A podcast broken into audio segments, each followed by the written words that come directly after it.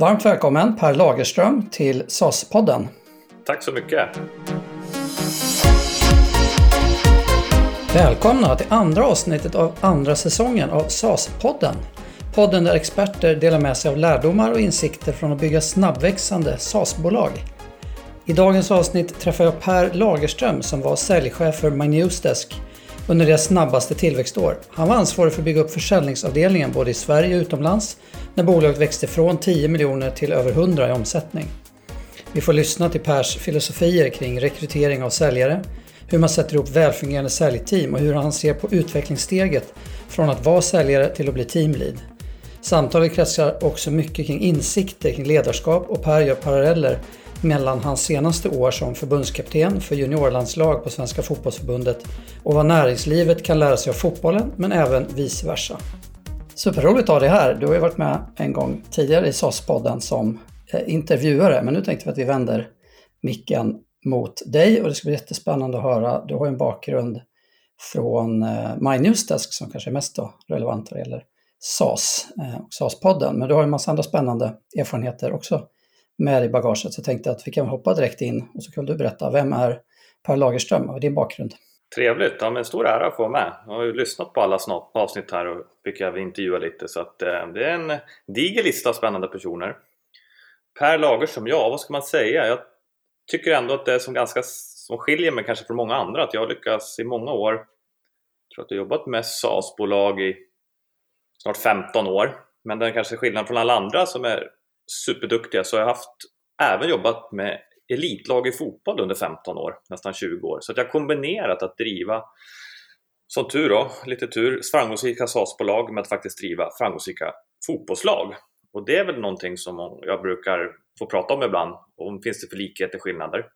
Jag har en bakgrund, som du skrev, så, så, eller som du nämnde där, så kom jag först från, jag har en sportmanagementutbildning i grunden, i ekonomi, ledarskap, juridik inriktat på kommersiell idrott. Gjorde det lite grann som tävlingschef men märkte ganska snabbt att det var så himla mycket idrott så att jag ville ta mig in i, eh, i större företagande och då började jag jobba för ett bolag som heter PR Newswire som idag är uppköpt av Cision. Det var som jag startade upp den svenska marknaden som säljare och i, under den perioden så hade jag en Leads-motor som hette Newsdesk hette de då. Det var en motor som publicerade nyheter och PR Newswire sålde pressreleaser, eh, sålde publicering av pressreleaser. Och vi fick uppdraget ibland att titta på vilka bolag ska, skulle PR Newswire köpa olika världsdelar och jag var helt säker på att man skulle köpa Newsdesk som detta.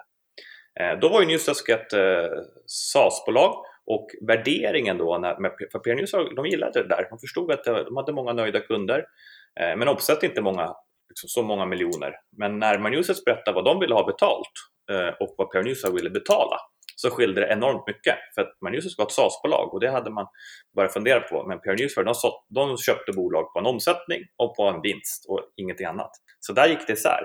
Men istället då fick jag ju, lyckas jag berätta för just då eh, Newsdesk, sen ber mig Newsdesk att eh, jag gillar dem och jag saknade att jobba med ledarskap och helt plötsligt så behövde de en försäljningschef. Efter lite om och men. Så där är ingången till SAS. Så vilket år är vi på nu? Mm, ja, men I slutet av 2009 så lämnade jag PR News Sverige och började på, på då, då My Newsdesk som det heter idag som dåvarande försäljningschef. Jag tror att vi hade en 12-13 anställda i ett Stockholmkontor och så skulle My Newsdesk precis lanseras även internationellt. Min uppgift var att få, få igång den svenska, den svenska delen av affären. Så hela bolaget var 10-15 personer. Hur många jobbar med försäljning då? Ja, då tror jag att vi var 15. Då var vi sex stycken säljare i Stockholm Sen hade, och precis hade bolaget anställt en CEO som skulle internationera bolaget i Norge och Danmark. Eh, det var en person vardera, så att, och det var sex personer säljare. Eh, så var det ett antal utvecklare, en Customer Success-person och så ett grundarteam. Så såg det ut. Och vad, vad högg du tag i där då, första tiden på Minusdesk? Ja, men det, var, det var ju ganska intressant och dels för att jag fick jobbet. Det var ju en entreprenör där, Peter Ingman, som jag hade sprungit på på lite mässor. Eh, han grundade bolaget med David Wenningen och Kristoffer Björkman som egentligen på en mässa, vi, vi började gilla utbildningen så jag tyckte det var fantastiskt och han som en entreprenör, han sköt lite förnuften och sa att Va? Det, det, det är så rörigt här. Jag bara, va? Ni är som ett fantastiskt bolag. Alla kunder jag ringer till tycker att Newsdesk är så, så bra. Det var inte så konstigt för de köpte också en pressrelease-abonnemang för 9900 för ett år. Och jag försökte sälja, sälja en pressrelease-utskick för 50 000 så jag förstod att nöj, kunderna var ganska nöjda. Men han gav mig egentligen eh, jobbet på stående fot. Sen när jag kom in dit och träffade, det var två teamleaders från de här sex så ringde han på kvällen och sa att ja, det gick inte så bra det där Per. Eh, de, tycker, de saknade lite pondus, du hade inte kostym på dig och du hade, skulle varit några år äldre, lite mer amerikansk. Då sa jag, ja ja, de där grabbarna kanske hade väl haft tjänsten, så där lätt kan vi inte ge oss. Så jag fick övertala Peter igen att jag fick bli försäljningschef. Så att det första jag fick göra, det var egentligen att försöka bygga ett förtroende i teamet, men också ganska snabbt sätta mig in i själva bolaget. Och jag trodde precis som jag har trott hela tiden, jag tror att det är väldigt viktigt att jobba ihop. Eh, det kommer från fotbollsmarknaden. En backlinje kan inte jobba för sig själv och forward för sig själv.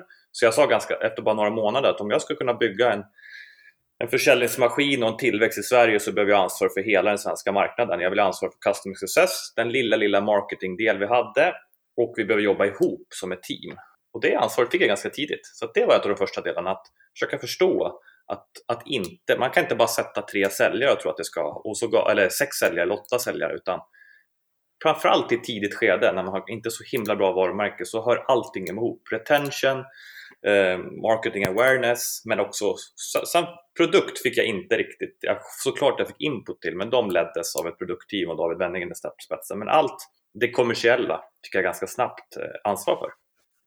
Men det är en intressant eh, ingång där då när du hade ett par par personer där som kanske till och med några av dem inte var superförtjusta i att du fick eh, rollen där. Vad, kan du inte utveckla lite grann? Vad gjorde du där i början då för att, för att få ihop det där till ett team? Då? Det, låter ju, det låter ju bra, men hur gjorde du? Det, det är klurigt. Och de var, det ska man förstå, för då var, det, då var det sex säljare där i början och två av sex var högpresterare, extremt högpresterande. Eh, och, det, och det berodde väldigt mycket på, tror jag, att man hade liksom den som hade kommit tidigt och lite på hur man delade upp leads och hur man styrde organisationen, att de som verkligen hade eh, hördes mest och eh, tog för sig, de fick också bäst lead, de fick flest möjligheter. Så att genom att faktiskt jobba med hela teamet och lyssna av det och faktiskt bara organisera. Så här, hur ska vi sitta ihop? Vi ska jobba med team, hur, hur jobbar vi med säljprocessen? Men också så här, de här stjärnorna som de faktiskt var, de var inte jättenöjda med att dela med sig och helt plötsligt så kanske deras försäljning gick lite ner men den andras och de andras försäljning gick ganska kraftigt upp och totalen blev högre. Det är klart att i första skedet så var inte det så populärt. Men det som jag tror att man ska jobba med, det handlar väldigt mycket om att de var ju däremot specialister. De hade ju fattat hur man sålde med De var ju jättemycket, de var ju sylvassa säljare, de hade förstått produkten, de hade gjort massa saker. Och det första steget jag gjorde var att försöka få dem att förmedla det till resten av de andra. Och det fick jag ju liksom dra lite i början innan jag fick förtroende men jag jobbade väldigt mycket med att involvera de medarbetarna, de som var bra. Customer, det fanns också liksom kundservice, customer success som var väldigt delaktiga, att få dem att involvera sig med säljaren, att få säljarna att prata med, med customer success. Och sen att vi hade i och för sig bara en halv marketingperson, men att vi själva gjorde marketing. Så att den stora delen tror jag, att bygga förtroende, det var att skapa en större delaktighet och, ett större, och ge ut ansvaret. Och då tror jag på ett sätt att människor växer. Sen var det väldigt viktigt att jag själv under den tiden också kunde leverera tror jag. Jag kom från en bransch som jag hade sålt mycket själv, jag hade tidigare lett organisationer, att jag behövde stå där, jag behövde hålla en utbildning i exempelvis behovsanalys. Det behövde jag läsa på. Jag behövde hålla en utbildning om branschen. Jag behövde berätta för dem hur den globala nyhetsdistributionsbranschen såg ut. Så att det, men det handlar inte om att jag ska visa mig på styva linjen, det handlar bara om att visa tror att jag var väldigt intresserad och kunnig och också kunde bjuda på saker från mig själv. Så det är väl liksom första steget. Ta vara på den spetsen som fanns, börja dela med sig mellan, men också själv bjöd på det jag kunde. Det var väl starten. Och jobbar du någonting med eh, liksom, hur ni satte incitamentstrukturer? För det är ju ganska mycket, ofta en huvudvärk för SAS-entreprenörer att man märker att de här incitaments Eh, hur man designar sina incitamentprogram styr väldigt mycket beteenden. Har du några insikter där då? Det där tycker jag är väldigt klurigt och skulle jag bara gått till mig personligen så, så har jag, jag har haft många bonusar genom åren men har aldrig drivits av det. Men det där är ju väldigt olika bland människor. Just i tidigt skede och kanske framförallt bland säljare så är incitament en stor del. Däremot så tror jag att det går att hitta lite liksom, att man kan göra ganska mycket. Jag vet inte hur många gånger jag har suttit och tittat på incitamentsmodeller som gör att det kanske styr kopplar till, till, till affärsutvecklingen ännu mer än bara intäkten. Till exempel så hittar vi sätt att förut så fick man inga incitament till en viss peng, man fick väldigt mycket om man kom till en, en, eh, till en viss omsättning en månad. Det drev de som var högpresterare men det drev också de som inte kom igång att ah, då var det inte ens värt något. Jag satt ganska snabbt att det ska vara ersättning på varenda krona men också en väldigt stor teamersättning. Så här, hur jobbar vi som team? Har vi olika roller? Involvera fler delar? Så det fanns många delar i incitamentet och en sista del som vi också gjorde, som vi drev på, det var volym. Ibland så letar man så himla stora affärer och det, det ska man göra om man har Enterprise, men just i det skedet man just var i då, litet bolag i tidigt skede, så såg vi att kunderna förlängde, men också att få, det var mer värt för mig att få säljarna att leverera 5 till 10 kunder i månaden än att leverera 2-3. De hade kunnat nå sin budget på samma sätt, men just att driva volym för att kunder föder kunder. Så att det var mycket pyssel faktiskt med incitamentsmodeller och, och, och jag tror att man behöver testa sig fram och även prata med, med hela teamet. Men superbra och vi kanske kommer tillbaks till, vi har lite andra frågor förberedda runt de här sakerna, men vi kan väl fortsätta snabbspola fram lite med Newsdesk-resan.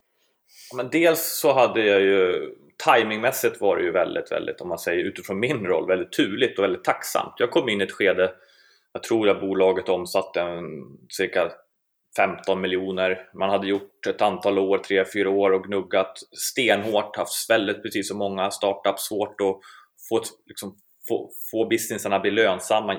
Man hade ändå liksom jobbat med med få team och varenda, vet, varenda år så stängde boksluten behövde man få en omsättning. Men man hade krigat, man hade gjort det med ganska liten personal med få resurser. Man hade fått ett antal betalande kunder och i Magnusets eh, syn var det ganska många. Jag tror att vi hade 700-800 betalande kunder, men som jag sa, den, ordervärdet var 9900 för ett årsabonnemang och flera av kunderna var gratiskunder, men några betalade lite grann. Men det var ändå tror jag, över ja, nästan tusen betalande kunder.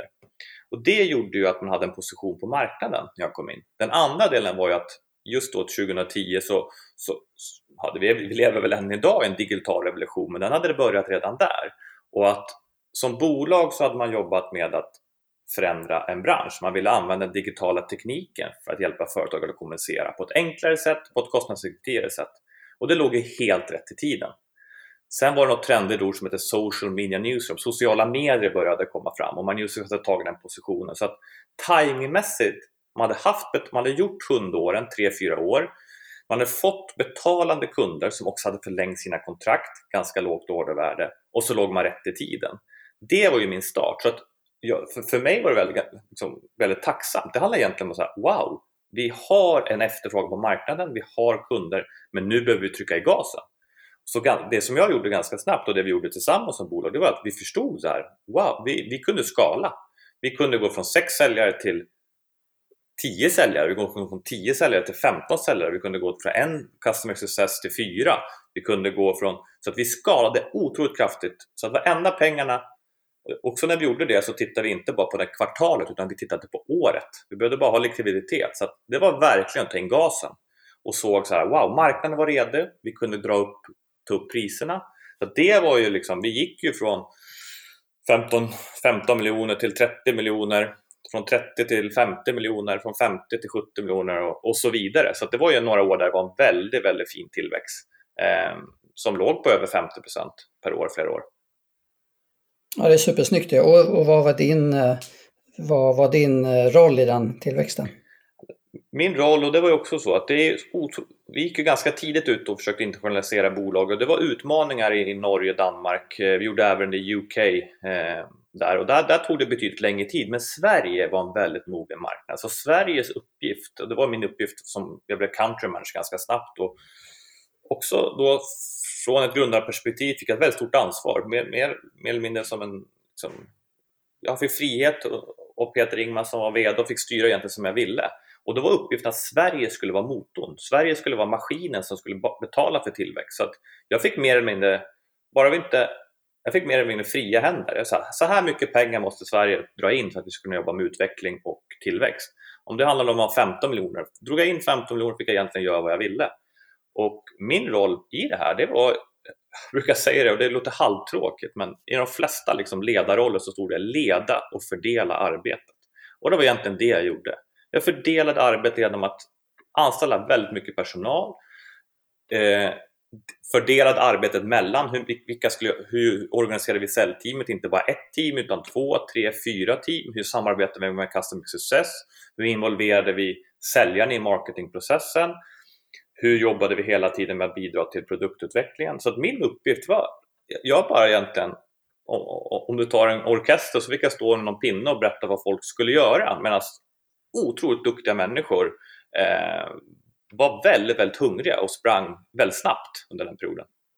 Nu touchar vi det här på med rekrytering. Det skulle vara kul att höra lite grann då när man går från att vara ett litet säljteam där alla, alla känner varandra och sitter runt ett, ett bord kanske till att bli, börja bli flera säljteam och, och så. Det vore kul att höra några, vad, vad har du gjort för lärdomar av att liksom rekrytera säljare och börja bygga flera team i, i en snabb tillväxt. Ja, men rekryteringen var ju, det var ju spännande. I början var man så glad att man fick rekrytera och satt och tänkte på vad är, vad är det vi ska ha nu för någonting? Jo, det, helst så ska man ha jobbat som, man ska ha den här erfarenheten, man ska ha den här arbetserfarenheten och det ska vara, man, man verkligen skräddarsydde ansökan för att få in en person och så var man väldigt selektiv, i alla fall jag var det i början. Och så försökte jag träffa några, in, några personer och så till slut så kanske jag kände att nu, nu testade vi.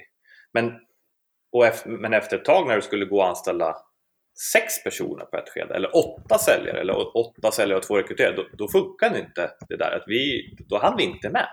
Så att en stor lärdom är att rekrytering behöver ske ständigt. Det är att ligga förväg, att träffa personer i en tillväxtfas när du minst anar att du tar fart. Då, då får inte rekryteringen vara ett hinder. Så att vi är ständigt igång rekryteringsprocesser. Eh, vi försökte, vi hade inte speciellt mycket pengar på den tiden så att vi hade inte möjlighet att, i början att använda rekryteringsföretag. Så det var att vi var aktiva själva med vår marknadsawareness, att vi syntes på event, att vi använde vår webbsida, olika sociala medier, men också de interna nätverken att träffa människor. Så att en del var att vi var väldigt, väldigt aktiva, att ständigt träffa folk. Och från att börja då bara fundera på det där, alltså ja, vi, vi när vi rekryterade några jättenoggranna så märkte jag efter ett tag att ja, vilka människor är det som faktiskt lyckas? Och det, det, det är fortfarande otroligt svårt med rekrytering för den chansen. Men vi börjar förstå att det var inte exakt den, e, just den erfarenheten eller den åldern på säljaren eller den åldern på CS-personen eh, eller marketingpersonen utan det, det, det, gick inte. Jag fick även den uppfrågan många år senare när vi hade en stor HR-avdelning. Kan du skriva ner vilka typer av personer du behöver för vilka roller? Och svaret ganska snabbt för mig var det går inte. Utan det handlar mer om någon form av person, persona vi sökte. Och det, den kunde ha olika erfarenheter men hade sa, några samma nycklar. Och det vi letade efter ganska snabbt, det var personer som ville vara med på en tillväxt, alltså att det fanns någon form av drivkraft. Eh, det jag inte visste kanske då som jag känner idag, det, det var egentligen, eh, jag kände att vi letade efter mini-entreprenörer som kanske inte hade vågat ta steget själva men var så pass de var så himla hungriga för att få komma med i en startup. Det fanns ett otroligt driv att vilja vara med och, och, och växa någonting. De hade en personlighet som gjorde att de dels var väldigt likable, för att jag tror när du jobbar med människor så behöver du tycka om människor. Sen var de inte alltid lättledda, men de hade en, en spännande personlighet som du tror att du gillade att äta lunch med dem. De kunde bjuda på sig själva de kunde andra saker. De hade en stor passion för antingen, det behöver inte vara branschen när vi började, alltså nyhetsdistributionsbranschen eller PR-branschen, men för startup och för bolag. Och så hade de någon form av någon kompetens för den rollen. Det fanns någonting, det inte, ibland kunde det vara en högskolekompetens, ibland kunde det vara en arbetslivserfarenhet men ibland kunde det bara vara så att det var så himla naturlig personlighet i en säljprocess. Så att vi sålde mer på någon form av person, vi, vi letade efter drivna personer liksom med entreprenörspersonlighet och en stor, som vi kände kunde ge passion. Och så formar vi dem, så tränar vi dem i hur man skulle lära sig branschen, hur man skulle lära sig de processerna i det, den rollen man hade. Eh, för det kunde vi träna, men vi kunde inte träna passion, drivkraft och personlighet. Så att det var en stor del och i början så, så satte vi in dem i olika team och så. Vi har väldigt stort, precis som många bolag jag tror jag gör idag, ganska gedigen intro. Men en stor del av intro, förutom själva liksom rollen, det var att lära sig förstå branschen. Att, att veta vad du verkar, för det ökar din passion och förståelse. Och en annan stor del var att faktiskt också förstå produkten. Alla fick uppgift dag ett att få ett login-konto, att börja jobba med Newsdesk, att kunna publicera saker själv. Fick gå ut till någon av sina bekanta och bara, är det någon som jag kan hjälpa att, att eh, jobba med PR för? Bra, då har jag ett konto, börja jobba idag. Då byggdes den där tror jag, kundförståelsen och produktförståelsen fram. Eh, så att det, det, var egentligen så här, vad, vad letade vi efter och fick in dem? Sen när det verkligen, verkligen tog fart, när vi anställde kanske fyra, åtta personer i kvartalet, då blev det väldigt svårt för, de för, för framförallt om sa teamleaders som också hade vi hade inte möjlighet att ta mellanchefer då utan man fick ju ta några procent av sin uppgift och så fick man leda en team om man hade den personligheten. Att, att hela tiden introducera nya, för de skulle vara högpresterare. De hade, de, liksom, de skulle ut på marknaden, de skulle ta in nya kunder. Det fanns ju kunder som verkligen ville köpa det här. Och då började vi fundera på hur kan vi göra ännu smartare? Och då märkte vi att istället för att placera ut alla nya personer i olika team med bara erfarna så satt vi de nya ihop. Och så fick vi ta in experterna, det vill säga vi kallade det olika rookie team. Och då märkte jag på ett sätt att lärandet ökade. För då vågade de helt plötsligt ställa mer frågor till varandra. Någon hade lärt sig något om någon annan, någon hade lärt sig något annat. Och så tog vi in experter eller erfarna personer i det teamet. Och det var också en väldigt, väldigt stor del som jag började jobba med. Efter när jag väl fick fart på den här organisationen så behövde inte jag teamleaders klara sig själv, kundservicechefen, det fanns ju personer med, med stort ansvar. Då var en stor, stor del av mitt jobb att fortsätta träna de nya. Och det tror jag ibland att man kan glömma bort när man blir större. Att om det är en, en, till och med en VD eller en grundare, en nyckelperson som är superbra på att träna människor, att man inte har för många hierarkier så att den försvinner. Så kommer den in på en föreläsning på en timme och berättar om varför bolaget finns till. Jag tror den ska jobba med de nya människorna och leva med dem. Då tror jag att det smittar av det och får liksom få ut det. Så det var ett sätt som vi gjorde det på, som var ganska spännande. Rookie teams med de nya ihop.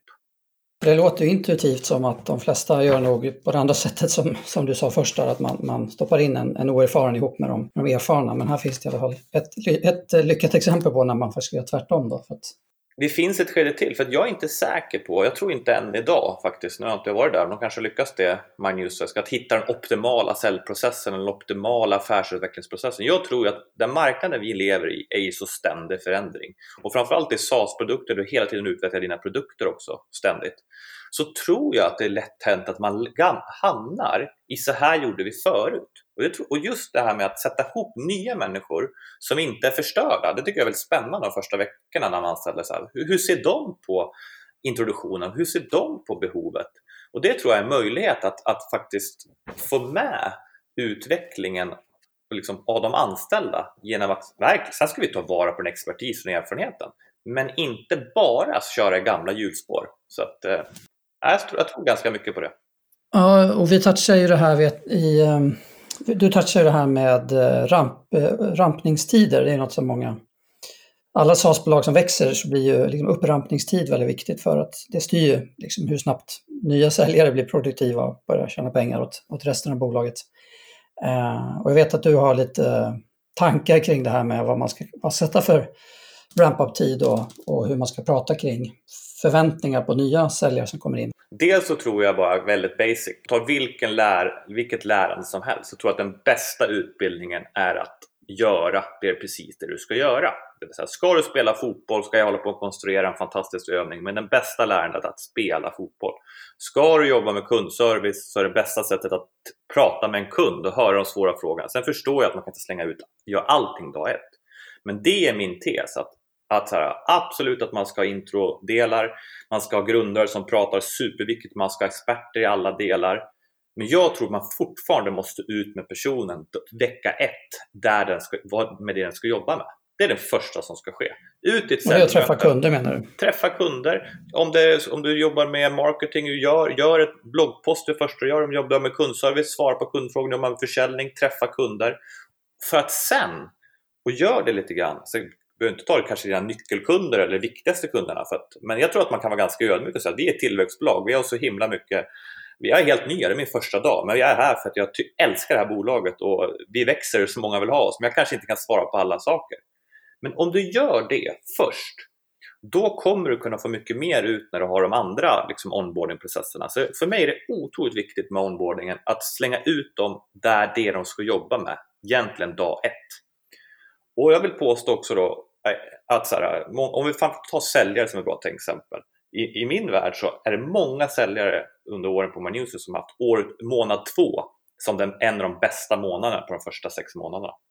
För att på, man kommer in och får en uppgift och, och, och lär sig och blir massa inspirerad. Sen sätter jag ett superfokus på att bygga upp sin pipeline, för det är ju en del av vad man ska göra månad ett. Sen är man liksom så, så pass inspirerad och så pass passionerad att man smittar av sig till kunden. Man har ringt så pass få kunder så att man har, har järnkoll med i säljprocessen. Man tycker varenda kund är livsviktig, så man kommer följa upp, man skickar några extra kärlek och man försöker stänga den. Och så, gör, och så lyckas man med det med rätt träning månad två och så sätter man sitt target. Största problemet med det är bara att då har man glömt bort att bygga upp sin pipeline igen. Så då går månad tre lite halvdåligt och månad fyra, sen behöver man komma tillbaka igen. Månad sex när du vet det. Men jag vill alltså, dels så tror jag targets, tycker jag, om det finns targets på ditt jobb, sätt dem tidigt så att du förstår förväntan. Det handlar ju om att, för mig handlar försäljning om att vinna matcher. Om jag har fotbollsspelare och säger så här, ja men vi, vi ska träna lite här nu men sen ska vi spela match. Det spelar absolut ingen roll hur det går i den här matchen. Eh, det är okej okay att förlora med 10-0. Då blir ju en förväntan på de personerna som ska spela. Du tror inte på oss. Jag har ju rekryterat, alltså man, du rekryterar ju personer till bolag. Det är ju en process i sig, där du tror på dem. Sen är det lite olika, nu ordrar jag för olika branscher, du måste ha liksom, produktkännedom och förståelse. Men det är 40 timmar i veckan och jag tror att man kan träna det tidigt. Så att ja, börja göra det du ska göra dag första veckan se till att gjort allt du ska göra de första två veckorna samtidigt som onboarding. Fortsätt onboardingen över tid under tre månader. Ha targets direkt. Det är några av mina ganska tydliga, min tydliga syn på det. En annan grej som vi touchade, du touchade lite grann som jag skulle vilja borra lite djupare i är ju en tyvärr ett, ett vanligt misstag som jag har sett i en del säljorganisationer, att man tar sin bästa säljare och gör den till teamlead. Man tappar den bästa performern och sen så får man en, en, person som ska klara en ny roll och att leda andra. Eh, och där vet jag också att du har en massa erfarenheter om du kanske kan dela med dig lite grann av hur, hur gjorde ni när ni letar teamleads? Hur designar ni det där för att undvika den fallgropen, att man flyttar bort de bästa performarna från att faktiskt stänga affärer? Jätte, jättebra fråga och ganska klurig för att det handlar ju också om människor här och har man en säljare som trivs verkligen att sälja och vill fokusera på det, då är det inte så svårt. Då tror jag att man kan få den personen att fortsätta göra det och belöna den på olika sätt, på andra sätt än att vara chef. Men problemet är att många teamleads, eller många duktiga säljare drivs av någon form av karriärsambitioner. Inte alla vill bli teamleads, men de vill att det ska hända någonting. Och det är då jag tycker att det är lite klurigare. Eh, dels så tror jag att så här, ja, har du inte de naturliga ledarna, först och främst så ska du alltid när du jobbar med organisation, ska du ha att fundera på rätt person på rätt plats. Och det handlar om personlighet, inte om vad du har gjort eller vad du presterar, utan vad, vilka, liksom, vem du är tror du passar in. Och har du då någon som har ledarerfarenheter och leda team, tids nog så kommer den få förtroende före den som är bättre säljare. Ibland däremot har du inte det. Du har, och du har inte råd att anställa teamleader. Och då tror jag att det är upp till om du är försäljningschefen eller VDn eller vem det nu är på bolaget att, att fortsätta ta ett stort ansvar.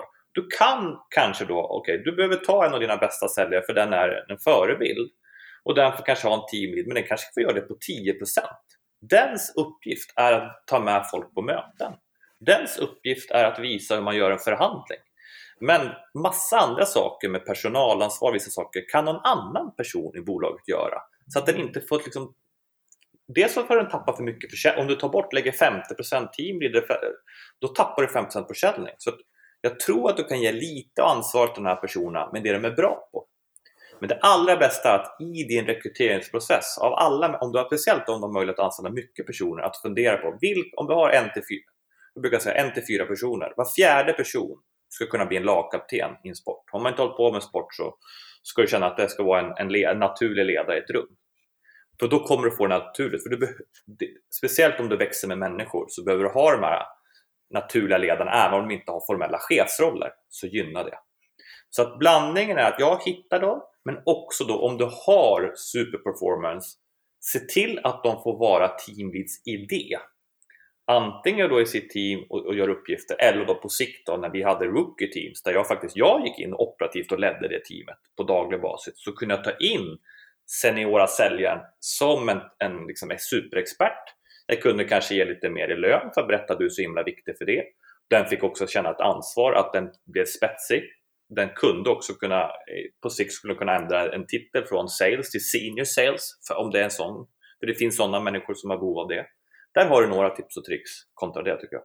Om vi raskt ska hoppa vidare lite ett annat spår här. Du har ju också varit med och startat kontor både i andra städer i Sverige och även andra länder. Vi börjar med det här med att ni startar kontor i andra städer i Sverige. Det är ju ganska ovanligt. Det, det skulle vara kul att höra lite mer om hur ni resonerade och hur det blev för er. Ja, men det var då vi gick ju som tåget som jag sa. Jag tror att vi hade en 27 Ja, med account managers och sales och senior sales så hade vi liksom över 25-27 säljare ett tag i, i, i Stockholm. Eh, och det organiseras olika team med, med customer success och sådana delar. Det som händer när det blir fler på ett ställe, dels är det ett problem med kontor du ska, och du är tillväxtbolag, du har inte bara pengar, du kan inte bara byta kontor hela tiden, du sitter i plats.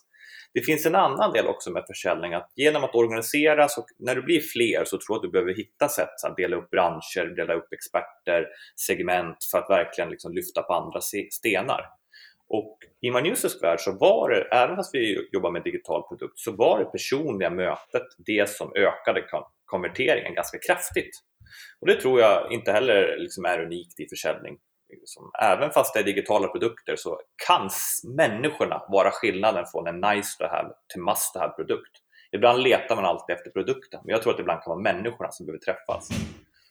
Och är det då så att du kommer fram till, 20, vi var 27 personer och satt i Stockholm, vi hade flera, kontoret började bli för litet, branscherna började ta slut, vi, började, vi blev lite ineffektivare i vår försäljning såg jag. Men jag bara tittade på vilka bolag som fanns i, i Malmöregionen och Göteborgsregionen så var det liksom på de bolagen som vi hade tagit in, både små och medelstora bolag och liksom vilka konkurrenter de hade, så hade vi jättemånga inringade i de marknaderna. Och jämförde med då liksom, av alla liksom våra nyckelbranscher och vilka liksom konkurrenter, så alla bolag som fanns i Stockholm hade blivit kontaktade ännu senare. Men de som var i Göteborg och Malmö hade kanske inte ens fått ett samtal på sex månader.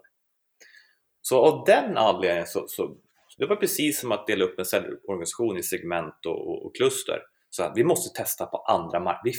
Det är ju väldigt mycket bolag i de här delarna som också behöver kommunicera.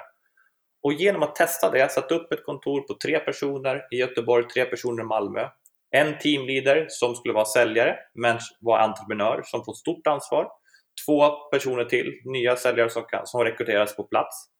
Så fick vi liksom en, en triad som verkligen kunde jobba som entreprenörer, fick testa bygga upp en helt ny marknad, fick ett, ett syfte er uppgift var alltså att sätta det här på kartan. Gör, liksom, ni får väldigt mycket fria händer, ni har stöttning hemifrån, men ni ska bara få, få Marnusers på kartan här.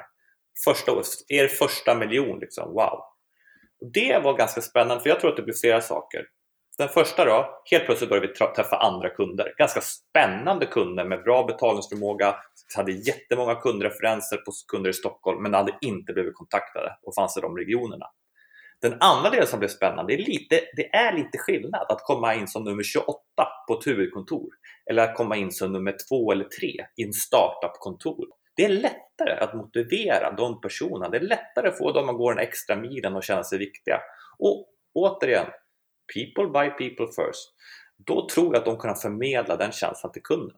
Så det var av flera anledningar. Men nyckeln i det här det var att de som startade kontoren såklart de personerna, de hade vi haft i rekrytering, in i, varit i huvudkontoret i Stockholm, hade en plan hela tiden någon gång. Alla kan inte bli försäljningschefer, men vad ska vi göra med dem? De är redo. Flytta till Göteborg ett par år, sen flytta vidare, flytta till Malmö och sen hittar vi någon på plats. Så att, för, för Manusers del var det en väldig succé och det är inte så stor kostnad att sätta ett kontor. Det är inte många tusen lappar om du hyr in det någonstans. Det är inte alltid London, Oslo eller Köpenhamn. Det kan vara Göteborg, Malmö. Vi gjorde faktiskt det även i Umeå som blev ett lönsamt kontor. Men vi kan väl fortsätta på det spåret då med eh, andra, andra länder då, för det är det som i princip alla SAS-bolag har framför sig ganska snabbt att man vill expandera sin tillgängliga marknad och testa vingarna utanför Sverige. Vilken fas var ni när ni startade kontoren i, utanför Sverige och, och vad har liksom för lärdomar från det? Vi gjorde det ganska, redan där 2010 och det var väldigt, väldigt tufft. Det var inte det mitt ansvar, men att det var ju ganska låg varumärkeskännedom så att lärdomen är att det tar oftast betydligt mer tid än vad man kan tro. Vi gjorde det också väldigt, väldigt försiktigt första gången. Vi öppnade flera kontor samtidigt med en person som vi skickade upp och då skickade vi alla från Stockholm. Eh, då fick vi inte riktigt liksom, attraction på marknaden, vi fick inte riktigt fart, det var väldigt, väldigt tufft för den personen och jag tror att man ska ha stor respekt för att det är skillnad på marknader.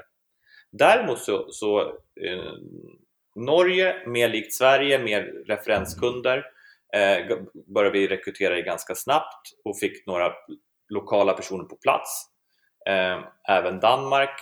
Så att efter ett par år på Manus, jag tror 2015 eller sånt där, 2014, 2015, då blev jag ansvarig för även Norge, Finland, Danmark. Så hade vi fått upp Sverige till 100 miljoner. Då skulle vi ta den svenska affärsmodellen och bara fortsätta den tillväxten. Och då fanns det organisationer på plats. Och då var det, då hade vi skickat först ut personer från Stockholm som, som startup, eh, startup-personer.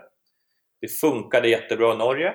Det funkade helt okej okay i Danmark. Men efter... Så, så betyder det att de, de hade så säga, hemvist på kontoret i Stockholm, men så reste de mycket? Nej, de fick flytta. Nej, det, de fick flytta? Ja, det, gick, det, det, tror jag faktiskt inte på. Jag tror man måste leva. Eh, jag tror jobbet måste vara en passion. Så de fick flytta till, den, till, landa, till det landet och göra det under en, liksom en, en, en period. Minst ett år. Jag vet att eh, Kalle som var i Norge var i tre, flera år. Och även, så man fick flytta till den marknaden och så trodde vi att man skulle rekrytera personer på plats. Ehm, och det är ju väldigt viktigt att de personer som man flyttar då trivs där och verkligen vill göra det. Men jag tror att man måste vara på plats, man måste ska starta den, precis som att det startade ett kontor i Göteborg och Malmö så, behövdes, så anställde vi personerna från Göteborg sen. Så för att vi kunde inte flytta alla från Stockholm. Hade alla velat det, då var det göteborgare vi anställde som levde där. Och så gjorde vi i, i, i de andra kontoren. Jag tror man måste, inte, jag är inte säker på att man måste anställa den första personen flytta den, någon, någon, någon svensk om man startar i Sverige till, till ett annat land. Utan hittar du den personen på plats så är det väl jättebra. Då får du stötta mycket hemifrån. Men det viktiga är att, att det kontoret känner sig självständigt och att det känns som att det är här vi ska bygga upp våra awareness. Det här är vårt lilla hem. Det här vi ska vara. Så efter ett tag så var det så att eh, då, det, det, den stora framgångsnyckeln var ju, man just om tar Norge och Danmark, det var att de, de här landscheferna som, som kom från Sverige, de ville ju de vill börja flytta hem. Det är att vi lyckas ersätta dem med lokala personer. Lokala som liksom älskade att bo i Norsk, det var till och med en norsk i Oslo, en dansk i Danmark, som älskade att bo i det landet, som kände sig som hemma, som kände sig som sitt kontor och byggde upp det med lokala personer. Så det är lite liknande framgångssaga. Det är bara att det är, jag tror att det är svårare i internationella marknader att bara sätta personer från modemarknaden. Jag tror, det här tror jag är ännu viktigare, att du hittar personer som, som kommer från det landet. Framförallt var det för Manusas, för vi hade någon form av strategi där liksom Think Global, Act Local. Vi skulle ha vår produkt på det norska språket, vi skulle ha kundservice på norska, vi skulle ha det på danska, vi skulle ha det på engelska och om du är då dansktalande och norsktalande så helt plötsligt skiljer du dig från de större internationella konkurrenterna. Så det, det, det tror jag faktiskt kan vara en USP om man har den möjligheten. Ska vi hoppa vidare då? Jag tänker, du har ju också en annan spännande eh, del i din karriär. Så säga. Kan du inte berätta vad du pysslat mest med de senaste åren och hur, det får, eh, hur du har kunnat utnyttja det i kopplingen mellan idrott och näringsliv? Redan när jag började på och gick någon form av sportsmanagementutbildning så tränade jag fotbollslag. I början gjorde jag det bara för att jag tyckte det var så otroligt spännande att leda andra människor. Det var det som drev mig. Jag märkte ganska snabbt att många som gjorde det, jag tränade mitt första fotbollslag när jag var 20 år. Jag har haft 18 år nu tränat, där jag har tränat, varit huvudtränare för fotbollslag.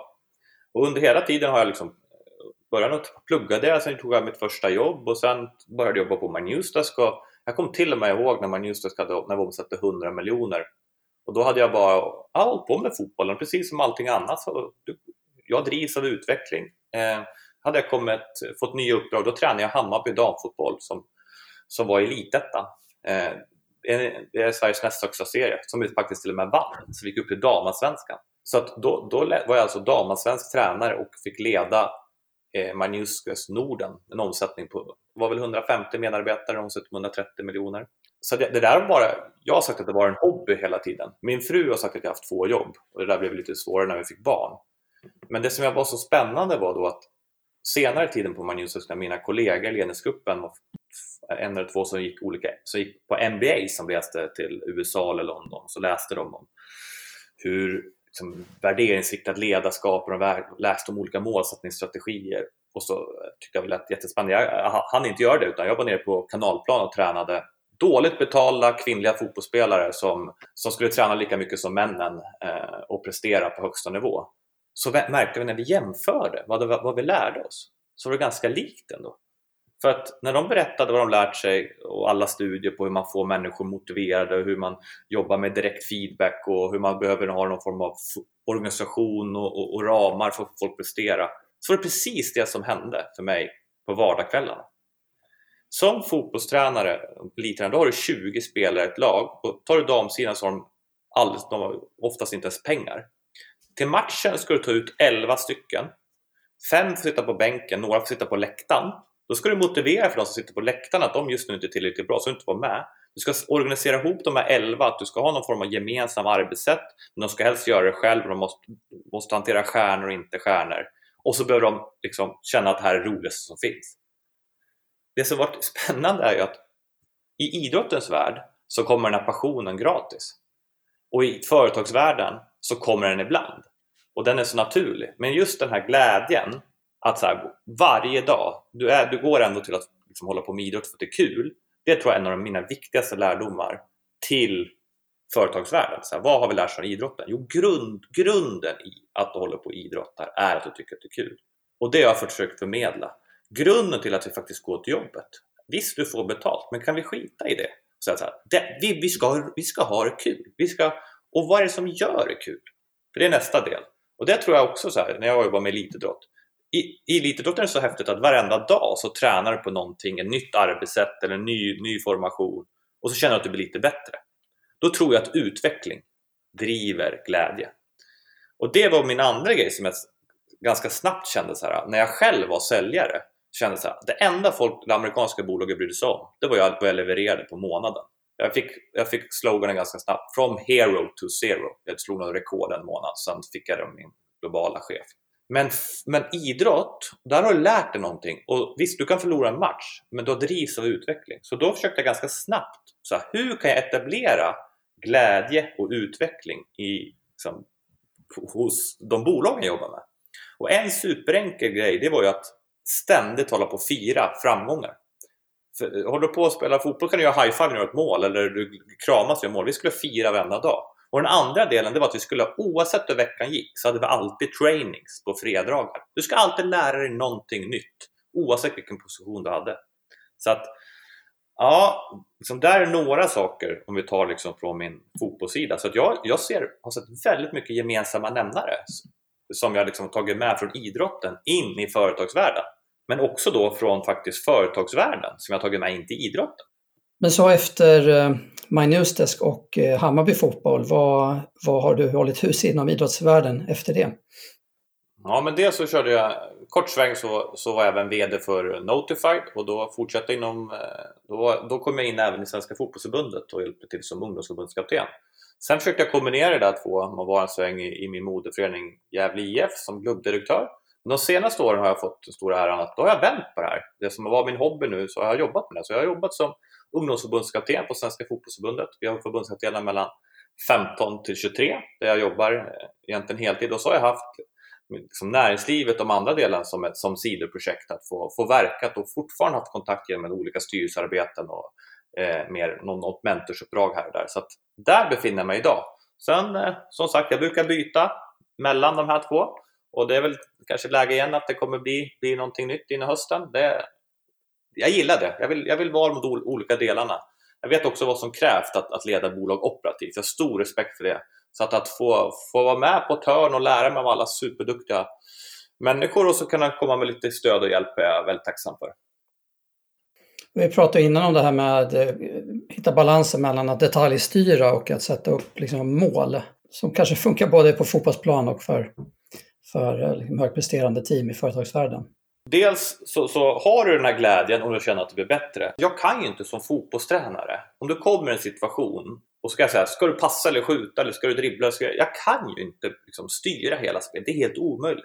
Utan jag måste ju någon form av vara så här, så här, vår uppgift Ja, det, det, är ganska enkelt, stå två, vi ska göra en mål. Liksom. Hur vi gör det, det beror ju väldigt mycket på motståndarna. Jag kanske visar lite hur motståndarna gör. Jag gör ett arbetssätt som så här, så här tror jag att vi, vi, vi kan göra det på. Jag kan inte visa en väg. Jag tror att det är mer som orientering, du sätter upp några kontroller. Och hur du orienterar till kontrollerna beror på helt på motståndarens situation. Det är spelarnas beslut. För det, och det är väldigt naturligt i idrott. De spelarna måste ta ett beslut varje given situation.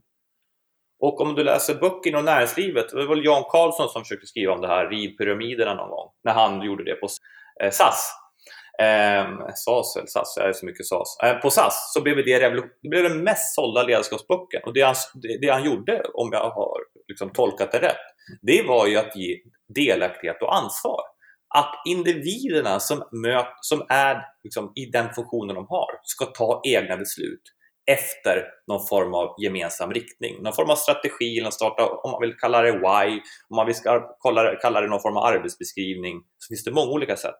Så jag är helt övertygad om att det blir in, vare sig kul eller utvecklande om någon chef ska bestämma vad du ska göra hela tiden och det blir inte speciellt bra heller.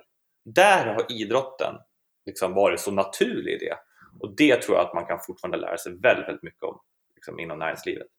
Men du har ju också några erfarenheter från att vara rådgivare till bolag, till exempel som styrelseperson eller i andra, andra rådgivande funktioner. Vad tar du med dig från din tid på Manusdesk som du tycker att du kan liksom återanvända nu när du jobbar med bolag som är i början på den här resan som kanske är betydligt mindre än vad, än vad Manusdesk var och som har den här resan framför sig? ganska mycket, men det finns ett par saker som jag ändå tycker, som jag försöker förmedla egentligen i varenda uppdrag som jag har. Dels så, så märker jag att väldigt många, många bolag är oerhört självkritiska. Man tittar på sin produkt och på sin organisation och man, har, man saknar det, man har inte det man, och det, man skulle behöva det. Det är bara vardagen. Vardagen som eh, entreprenör, vardagen som tror jag faktiskt i vilket bolag som helst. Du ser, så himla lätt att se vad du inte har. Men istället, så här, vad är du faktiskt, alltså, då start, många bolag som engagerar sig mindre, då startar någonting nytt. Du tar in de kund som betalar för någonting och förstå alltså, hur häftigt det är. Det här fanns inte innan. Vi har, liksom, vi har skapat arbetstillfällen, vi har skapat en produkt som ger ett behov. Så jag försöker så här, det, det, är en del. Så här, det, är, det finns saker som behöver bli bättre, absolut, och det måste vi prioritera och prata om. Men vi kan inte stanna där, för då blir man knäpp.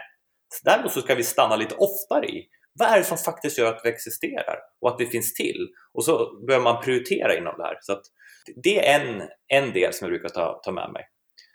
Och den andra delen är också så här, jag är helt övertygad om att här, det är klart att affärsidén är någon form av grunden, att det finns, det, det, det kommer att märkas ganska snabbt, annars så kommer det inte gå, att det finns någon form av position på marknaden och, och så. Och det, det, finns ganska många sådana positioner man kan ta. Sen tror jag att genomförandet och människorna är det som kommer att vara avgörande det, det är den andra delen. att så här, Jag jobbade väldigt, väldigt mycket, väldigt hårt. Det tror jag många gör. Man brukar prata om att jobba natt, dag och natt. Det vill jag inte lägga någon värdering i. Jag tror det är, i och för sig att det är väldigt bra att sova. Jag tror att det är bra semester.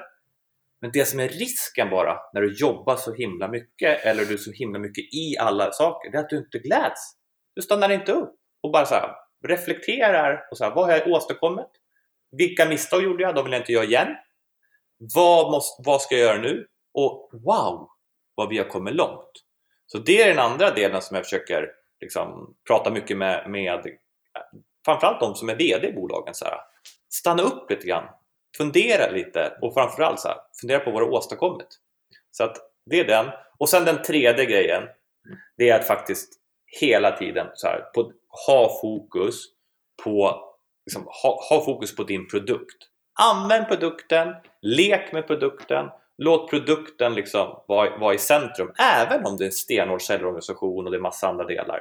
Så, så, så hänger alla frågor. Du som jobbar så mycket med försäljning och kommersiell delar. Ja, vad ska vi satsa på? Produkt eller försäljning? Svaret är alltid båda. Du har ju jobbat då nu i många år med tillväxtbolag och eh, det här med tillväxt är ju spännande. Hur hittar man lagom mycket tillväxt? Kan det finnas bolag som växer för fort eller eh, finns det till och med bolag som växer för långsamt? Det där har man funderat mig väldigt mycket till. Det är väldigt lätt att liksom, så här, hur, hur, hur snabbt man ska växa kommer från någon form av... Eh, I och för sig, det ska väl komma från någon form av styrelse eller ägardirektiv och så gör man en budget eh, en gång per år.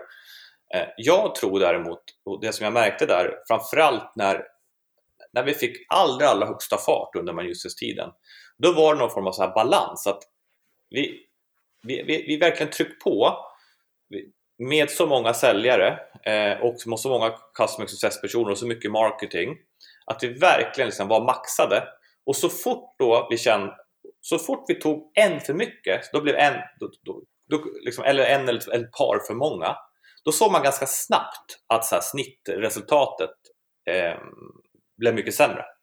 Eh, däremot när vi låg och puttrade, när vi var lite försiktiga för att ha gjort en årsbudget och så skulle vi, äh, vi fick inte anställa nu. Det var väldigt svårt att veta nästa år, så här, kunde, kunde vi vara dubbelt så många här eller är vi för få? Då, var det mycket svårare att få förståelse för vad är det som funkar och inte funkar.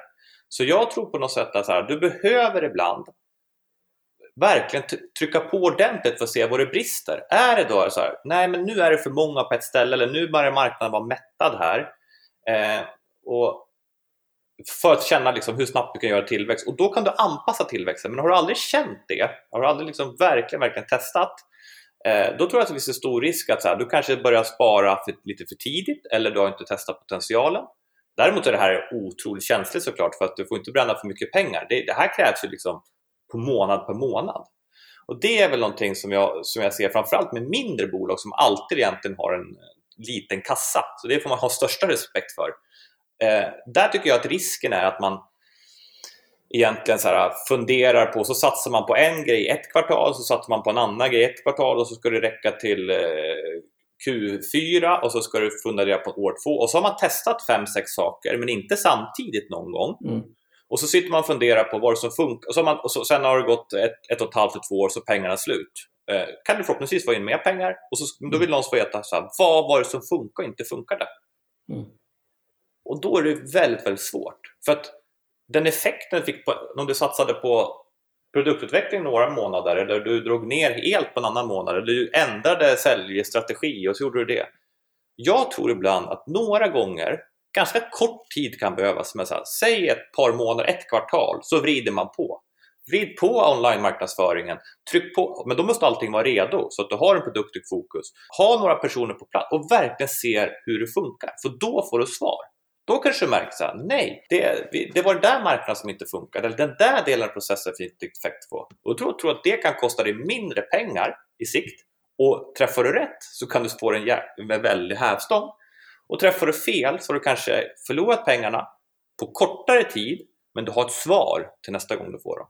Jag drar mig till minnes, jag har ju haft förmånen att, att jobba med dig i, i ett par styrelser de senaste åren. Och jag drar mig till minnes, nu kommer jag faktiskt inte ihåg exakt vilket bolaget var, men, men jag minns det så tydligt att vi diskuterade en eh, säljrekrytering. Och vi hade, tror jag, eh, två slutkandidater och den här entreprenören våndade så mycket för vilken av de här två kandidaterna som eh, skulle väljas.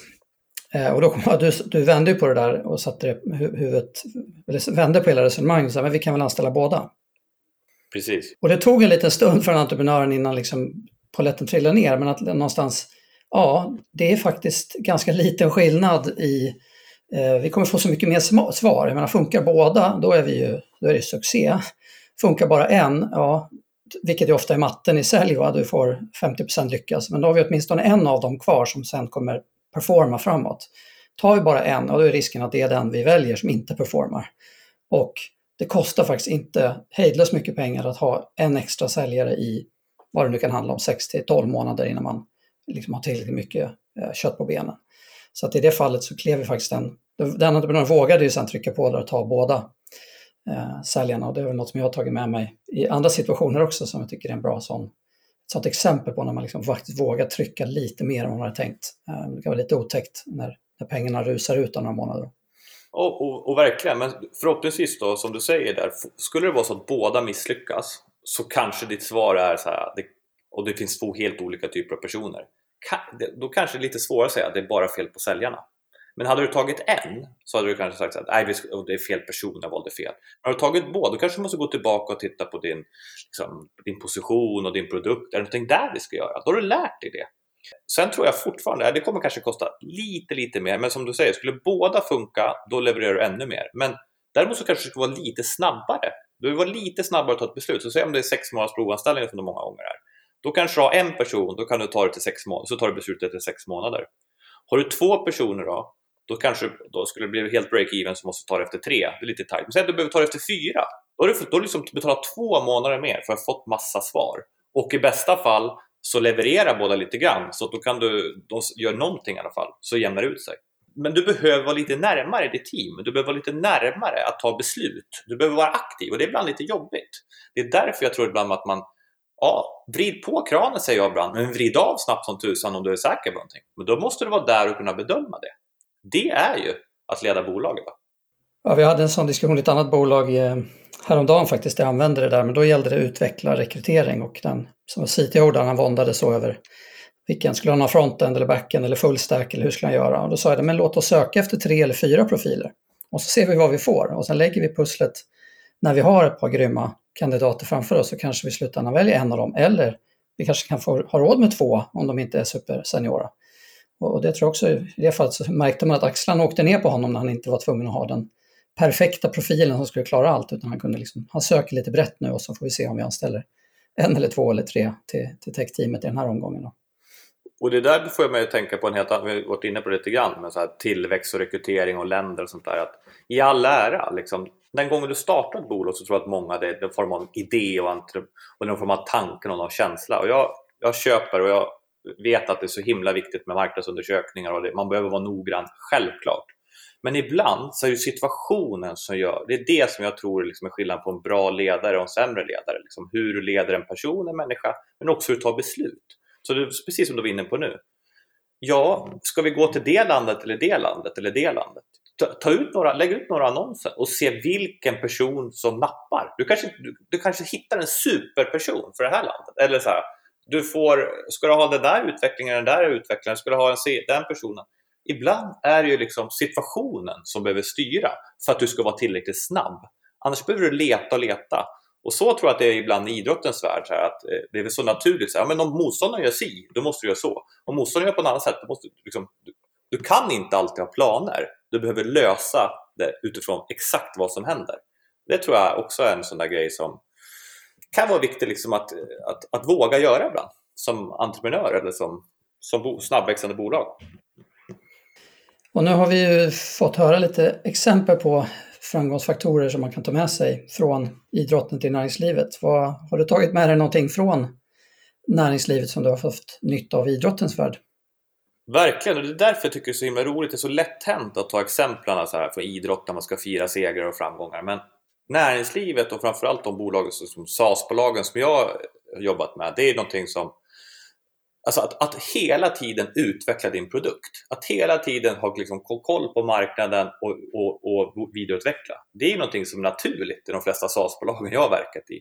Om vi tar det till ett fotbollslag så är det så här, det är inte alltid så att man, hela, att man utvecklar sin arbetssätt utan du har ett sätt att spela på så jobbar du in det och så glömmer du bort att titta utanför. Så det är en stor del.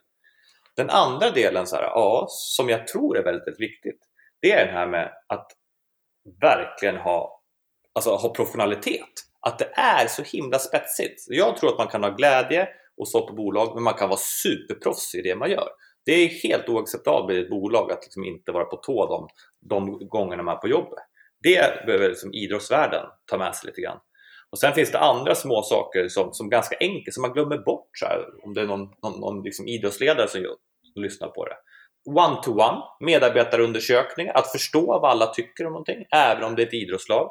Att det finns någon form av process för att och, liksom, olika kommunikationskanaler. Lätt hänt liksom, idrott att här står en tränare och håller en, liksom, en presentation på planen. Det kanske skulle behöva skickas ut någon information även till idrottsspelare. Så att, äh, det finns massa saker däremellan. Det är det jag tycker är så roligt att kalibrera mellan. Och jag brukar hämta liksom, bästa fotbollstränarna, knycka lite grann och så skickar jag med det till någon entreprenör. Så att, äh, det är stor förmån tycker jag att få verka i den här branschen. Det är väl därför jag har så svårt att kunna välja och jag vill, jag vill vara mittemellan dem på något sätt och få suga åt mig lite från allt och alla. Så att, eh, jag fortsätter gärna prata om det här om någon är nyfiken om lärdomar hit och dit.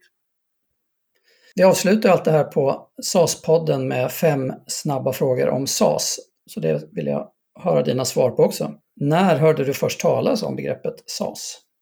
Jag tror att det var 2009 där i början när jag försökte få PR Newswire att eh, köpa Newsdesk men då fick jag höra någon, jag tror att det var från Newsdesk att nej men det är ett SAS-bolag, det är en helt annan värdering på det. Då försökte jag ta reda på vad det var. Just det, bra. Och hur skulle du beskriva den största fördelen med SAS som affärsmodell?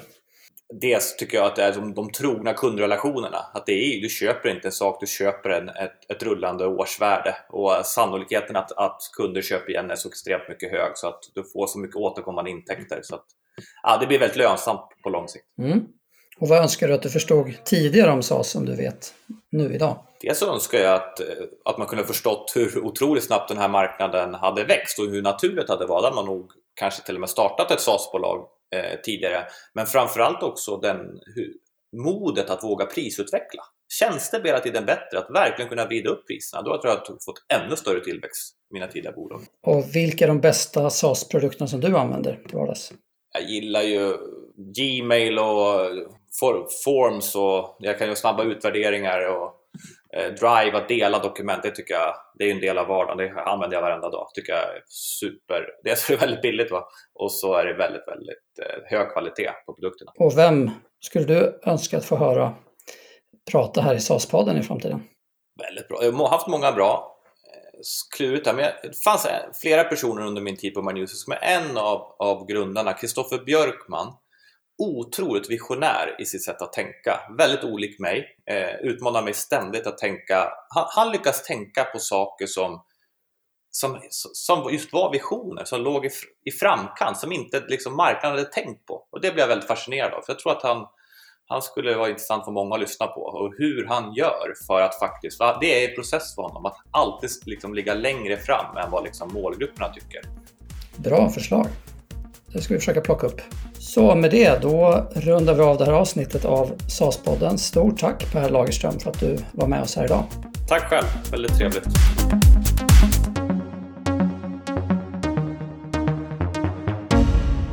Tack för att du har lyssnat på det här avsnittet som var det andra i den andra säsongen av SAS-podden.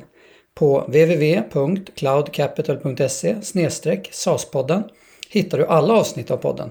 Jag heter Johan Krona. Om två veckor är vi tillbaka.